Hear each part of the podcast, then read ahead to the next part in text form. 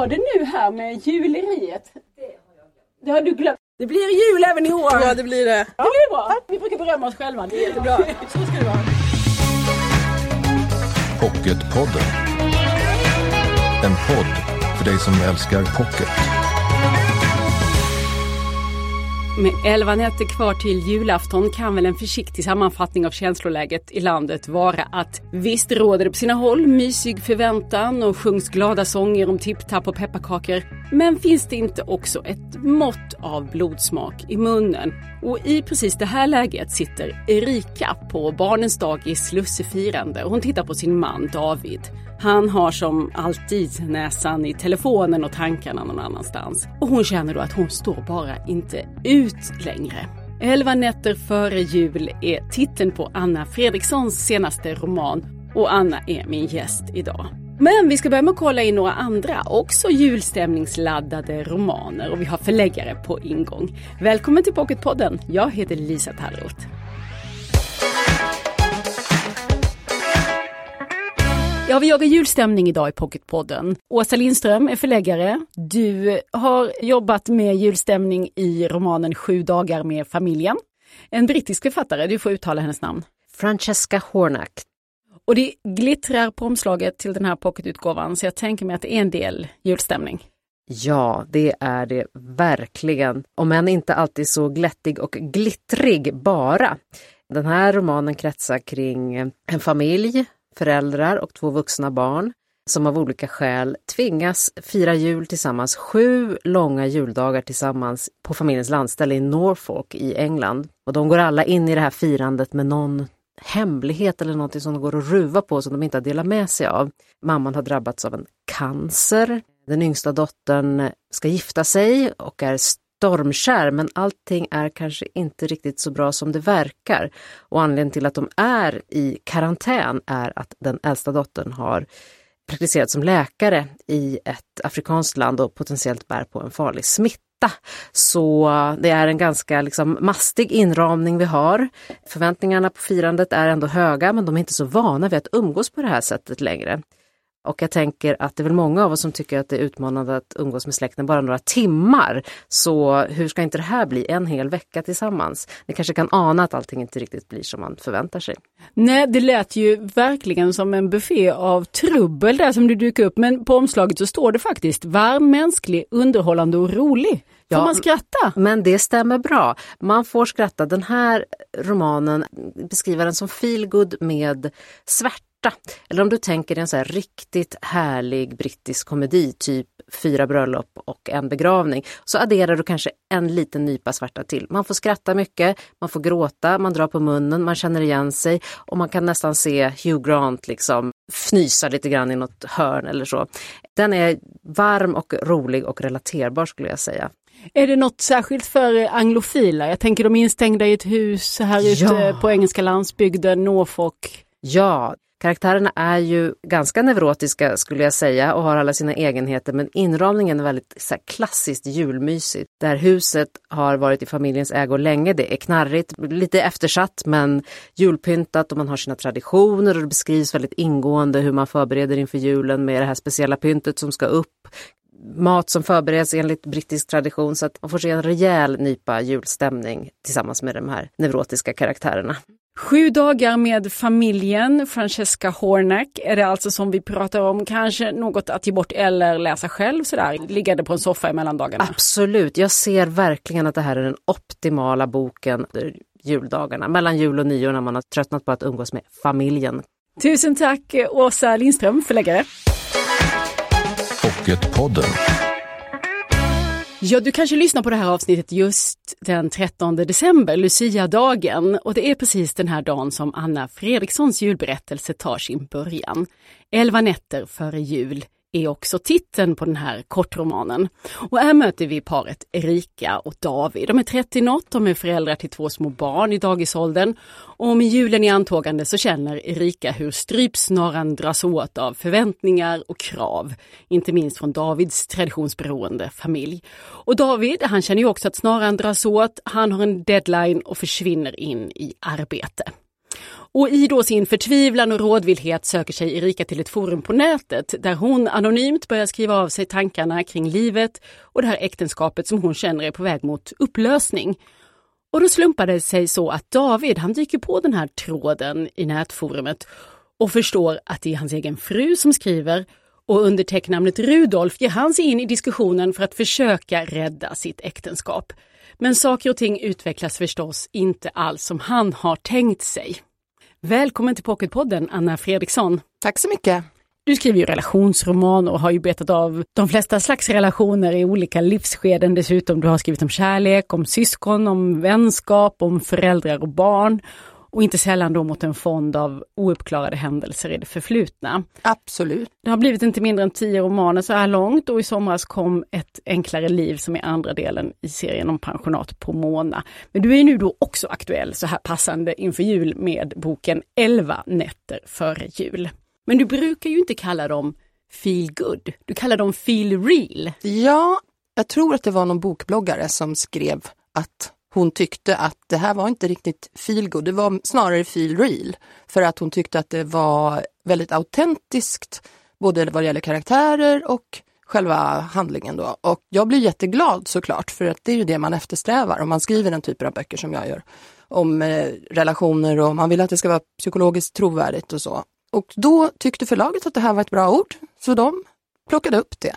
Och jag gillar också att att det liksom, man kommer att tänka på feelgood ändå när man hör det här ordet. Därför att jag gillar att ha slut i mina historier som är ljusa och jag vill gärna att man ska känna ett hopp om att det går faktiskt att lösa problem. Jag tycker inte om att sluta i svärta, det gör jag inte. Men det är liksom lite glitter som ska bort, borstas bort eller? Ja, men det är väl ofta så att vi är ju helt omgivna av alla dessa idyller överallt vare sig det gäller sommar, sommarhus eller julfirande eller vad det nu kan vara, eller kärlek eller arbetskamrater. Och då är det ju ytterst få som lever på det sättet, för att inte säga att ingen gör det. Och då tycker jag att det är ganska kul att använda mig av de här liksom idyllbilderna och sen så såklart är det ju inte så i verkligheten och då tror jag många känner igen sig. Mm.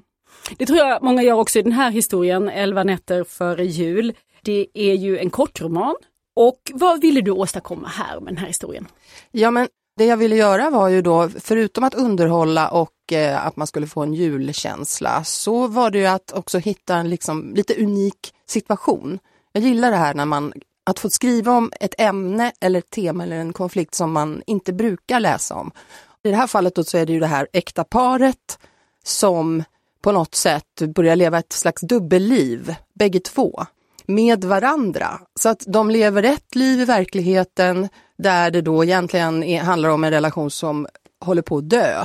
Men så lever de ett annat liv på nätet där det handlar om en nyförälskelse mellan samma personer som bor under samma tak. Och det är en väldigt tillspetsad situation som ju är kanske inte så vanlig i verkligheten, men det är också roligt att den är så tillspetsad tycker jag.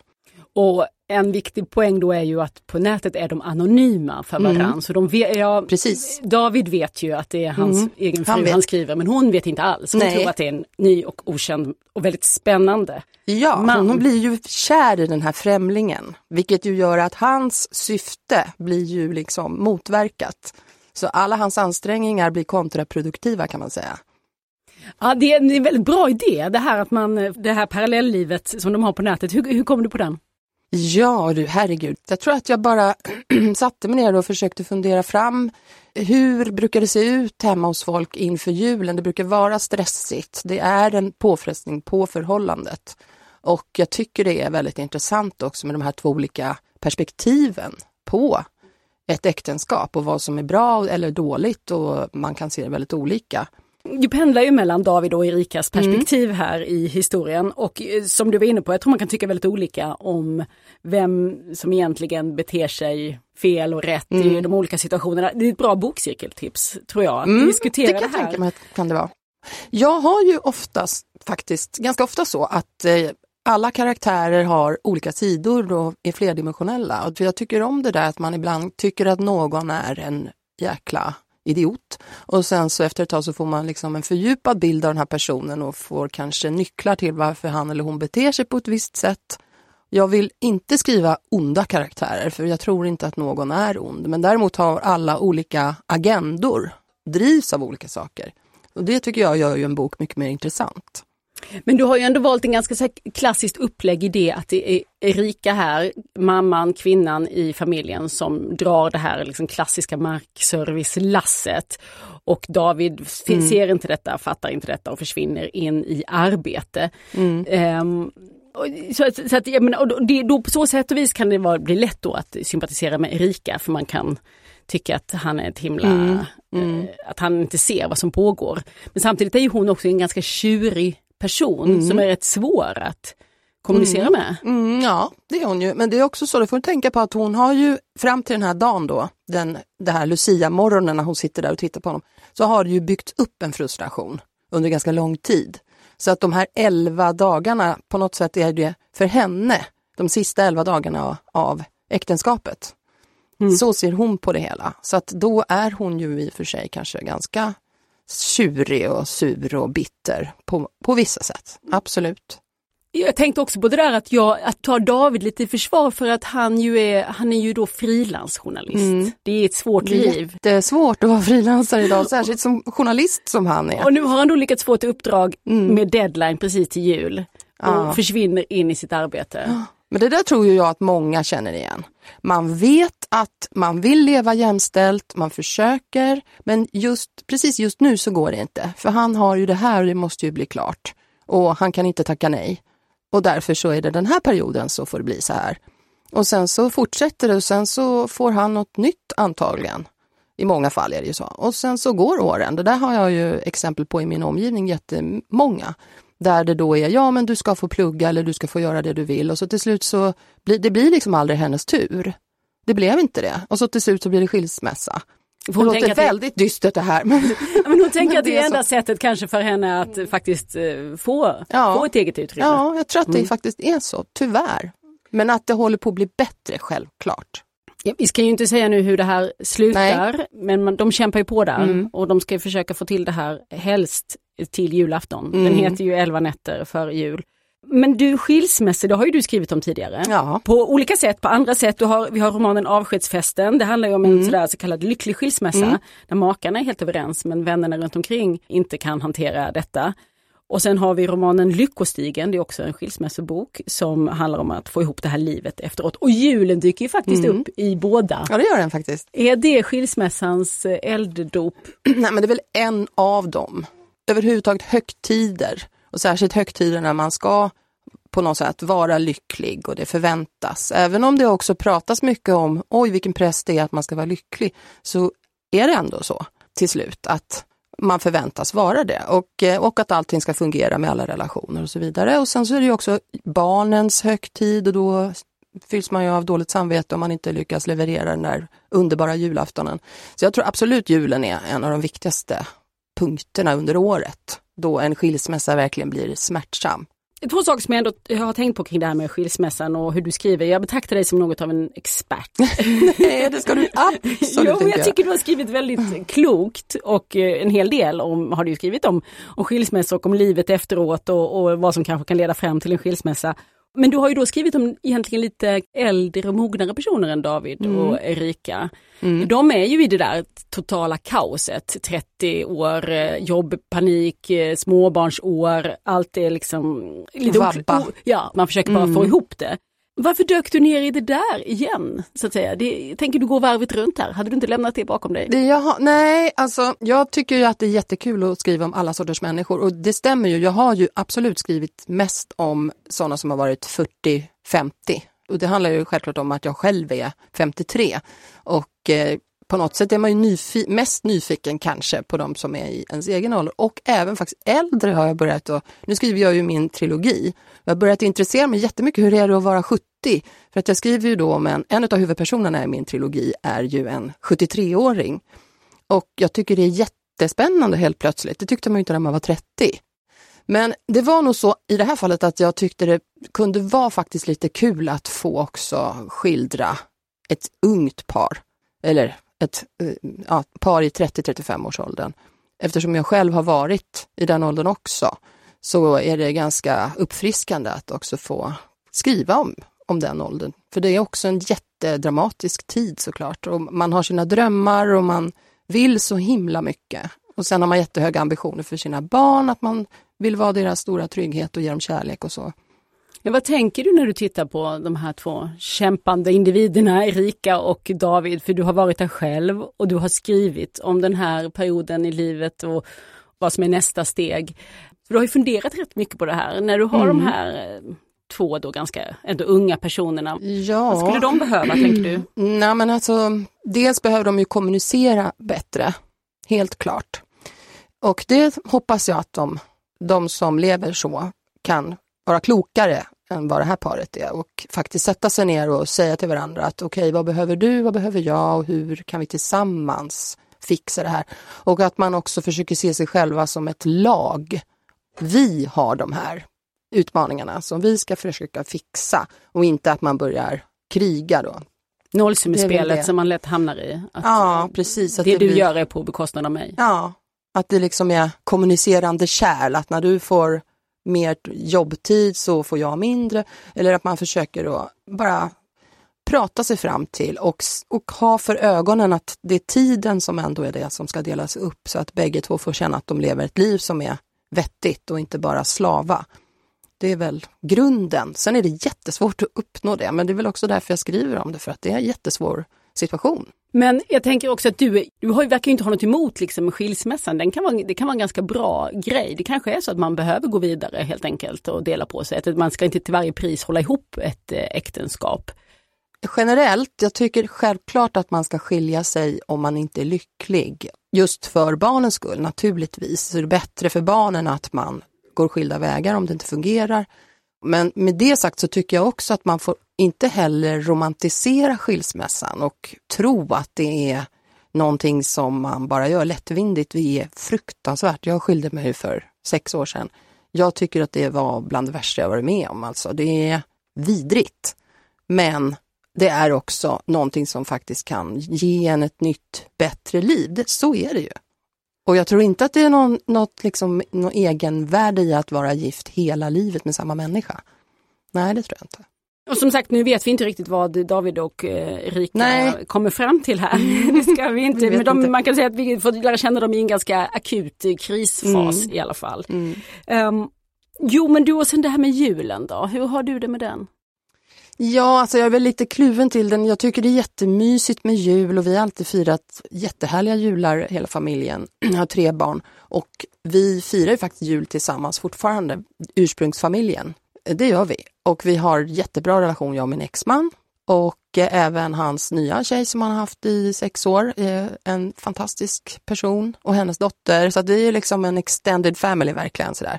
Men samtidigt så är det ingen av oss som är en riktig julhysteriker, det är det inte, utan vi tycker att ja, men vi försöker ta det ganska avslappnat. Det är roligt att ses och sen försöker man ha en trevlig dag.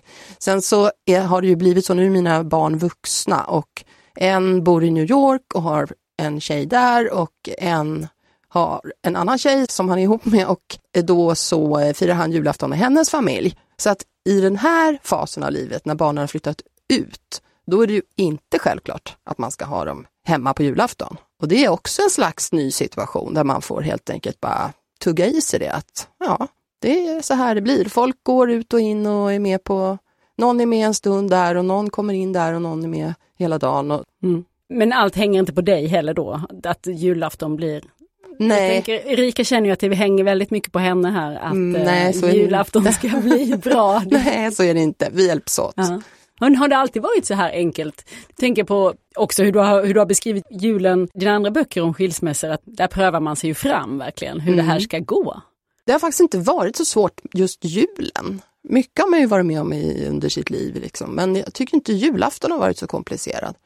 För det har ju säkert väldigt mycket att göra med att jag och min exman är så bra vänner. Vi har samma vilja att det ska vara trevligt och vi har verkligen trevligt. Så att där är jag ju lyckligt lottad. Så du har inga svärföräldrar eller ex-svärföräldrar som behöver känna sig träffade av den här, den här Nej. hysteriska Nej, familjen som inte. David har, eh, som drar in och efterfrågar exakta bonader och dukar och allt Nej, det har jag inte. Jag hade ju en svärmor, hon lever ju inte längre, men hon var ju väldigt sådär, älskar julen, absolut. Och det var mycket tomtar och juldukar och så. Det förekommer ju en julduk här, den är lite grann utifrån hennes, som hon var, för hon älskade att fixa sådana saker. Den skulle gärna ligga framme. Den skulle ligga framme definitivt och hon fixade och hade virka, stickade tomtar och grejer. Men det var mera, det var bara mysigt. Inte alls den pressen som hon har i boken. Men jag tror många kan känna så, det tror jag. Jag funderar ibland på om det är, det är julen som är rätt och det är allt annat som är fel. Vi lever ju i, som det brukar heta, den här extrema avförtrollningen nu, att ingenting ska vara speciellt eller mystiskt, utan det, vi ska vara så otroligt rationella och eh, praktiska. Jo, men det var nog också därför jag ville skriva en julberättelse, för att det finns ett skimmer kring julen. Just den här tiden, de elva nätterna före jul. Det kan man inte komma ifrån, det är någonting lite, det är lite magi med det hela. Så att jag kan verkligen hålla med om att vi ska inte avförtrolla allt för mycket, men jag tror att det också är skönt för de som faktiskt inte har perfekta relationer eller har perfekta julaftnar, att få ändå slippa det här att det ska vara så otroligt mycket som ska klaffa och det ska vara på ett visst sätt. Om man kan hitta någon mellanväg där så vore väl det skönt. Mm. Man kan hämta lite inspiration och eh, kraft i dina böcker som handlar just om detta. 11 nätter före jul är det vi har pratat om nu som är aktuell, men jag skulle ju då vilja slå ett slag även för de andra, Lyckostigen och eh, Avskedsfesten som jag tycker hanterar det här ämnet eh, väldigt bra. Tack så mycket Anna Fredriksson för att du kom hit till Pocketpodden. Tack så mycket för att jag fick komma. Julafton närmar sig. Visst behöver man jultips, kanske också lite hjälp att eh, komma i stämning för egen del. Så det är tur att det finns bra böcker för det här. Och en bok som var en stor succé hos en tonårsdotter nära mig var boken Let it snow. Och Karin Lemont är förläggare på Bonnie Carlsen och den som ser till att den här boken nått svenska läsare. Välkommen till Pocketpodden! Tack så hemskt mycket. Ja, Let it snow, den fick heta så på engelska. Ja, och vi, vi valde ju då att inte översätta den faktiskt för att eh, den här sången är så välkänd och då skulle den heta Låt det snöa eller någonting sånt där. Det kändes så fånigt. Så att på boken så har vi istället lagt in en undertitel som är Snöstorm, kärlek och minigrisar lika med en magisk julafton. Och den här kanske någon har sett passera på Netflix också, för den är aktuell som precis. eh, film där. Ja, exakt. Men jag tror att boken är bättre. Så brukar det vara. Ja, det brukar och det som fick mig att fastna för den här när jag plockade upp den och gav bort den för en tid sedan, det var just författaren John Green. Mm. Men han är ju inte ensam här, utan det här är ett eh, grupparbete. Ja, verkligen. Det är John Green, Maureen Johnson och eh, Lauren Miracle som har skrivit det tillsammans. De har skrivit liksom varsin del i den här. Den är som en blandning mellan en, en eh, ja, sammanhållen roman och en novellsamling kan man säga. Den utspelar sig i samma lilla stad och de här ungdomarna de eh, ja, känner till varandra i alla fall och eh, alla träffas på slutet och de pratar lite sinsemellan om varandra i respektive historia. Och julstämningen, hur är det med den? Och den är ju våldsam. Den är, jag skulle säga att den är 110 av 100 faktiskt. Det är en jättehärlig historia. Den första historien som heter eh, Jubileexpressen, den är skriven av Maureen Johnson och hon har svenskt påbrott. Så att eh, det här är, de ska ut på smörgåsbord helt enkelt med sill och skinka och alltihopa. Eh, det blir inställt då, då, för det blir snöstorm och hon måste ge sig iväg till sina mor och farföräldrar istället. Och, alltså julstämningen, vi har smörgåsbord, vi har en enorm snöstorm då, då som gör att alla måste stanna inne. Det finns ju inget mysigare. Ja, och sen vet jag ju att eh, John Green i alla fall, han är ju väldigt bra på att blanda allvar och humor. Ja, det är verkligen ett tema tycker jag i alla de här tre historierna faktiskt. Maureen Johnson har ju den här Jubilee som är huvudpersonen, hennes pojkvän som är en riktig stjärna på alla sätt. Han är inte en så himla bra pojkvän egentligen, han bryr sig inte särskilt mycket om henne. Det finns inga starkare känslor där. Och i den andra så handlar det också om att vara lite sådär ut på glid och vad egentligen, var har man sina känslor någonstans? Och den tredje handlar också om att Addie som huvudperson har inte varit särskilt schysst, varken mot sina kompisar, sin familj eller sin pojkvän. Och nu försöker hon lappa ihop det här. Mycket relationer Mycket relationer. Ja, och julen som inramning. ja, Och eh, på allvar men också roligt. Mm, mycket roligt. Och den heter Let it snow. Det är tre författare då som ligger bakom den här eh, lite shortcut eh, Shortcut och Love uh, actually skulle jag vilja säga, om man nu ska ta en uh, referens som många känner igen som har julanstrykning också. Kanontips för alla unga vuxna, men uh, alla vuxna kan Ja, väl... jag tror det är många, man hör både från tonåringar som har läst den och från uh, vuxna som verkligen njuter av den här stämningen i historien. Let it snow heter den alltså. Tack så mycket Karin Lemon. Tack och god jul! Ja, nu rusar det på mot julen. Nästa fredag knäcker vi nötter här i Pocketpodden, boktipsar och funderar över julens mysterium. Missa inte gärna det. Jag heter Lisa Tallroth. Hej så länge! Du har lyssnat på Pocketpodden. En podd från Bonnierförlagen.